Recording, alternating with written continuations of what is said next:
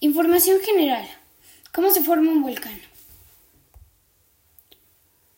Un volcán es una fisura de la cortera, corteza terrestre sobre la cual se acumula un cono de materia fundida y sólida que es lanzada a través de la chimenea desde el interior de la Tierra.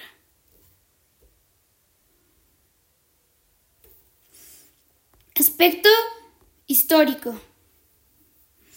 El origen de la palabra volcán viene del dios romano Volcano. La erupción más antigua registrada es en 1518. Los volcanes causaron más daño en 1815. Aspecto político. Para proteger a la sociedad de esta erupción volcánica o de cualquier otro fenómeno natural existe la Ley General de Protección Civil – El, el rol del gobierno es dar apoyo a las personas damnificadas si este fenómeno natural ocurriera. La geografía. Los países afecta más afectados son Indonesia, Inglaterra, Colombia, Estados Unidos e Italia.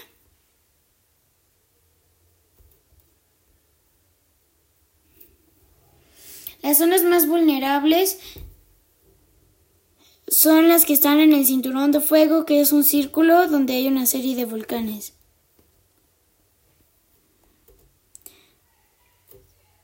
El lugar más afectado en la historia fue Nusa Tenggara, en Indonesia, el 10 de abril de 1815, y el IEV, el índice de explosividad volcánica, fue de 8.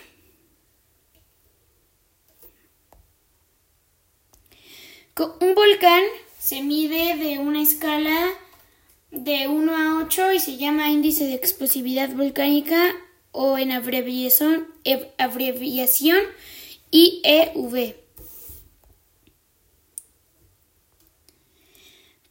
Un volcán se origina cuando dos placas tectónicas chocan entre sí en un punto caliente, es decir, donde hay magma hasta el interior de la Tierra. Ahora, en las sociocultural. Las personas que cambios han hecho han hecho cambios en su pensamiento en el sentido de que si les dices que va a eruptar un volcán, no se quedan ahí a dar ofrendas o eh, o hacer sacrificios, sino evacúan de inmediato. Puede afectar a la sociedad perdiendo vidas. Aspecto económico. ¿Cómo afecta a la economía? Afecta a la economía porque tienen que monitorear diariamente los volcanes y no es tanto, no es tan claro, pero lo hacen diario y eso afecta a la economía. ¿Cómo afecta si ocurre? Si ocurre una erupción volcánica, el gobierno debe financiar el rescate de las personas que me evacuaron inmediatamente. Y así concluye esta explicación de volcanes.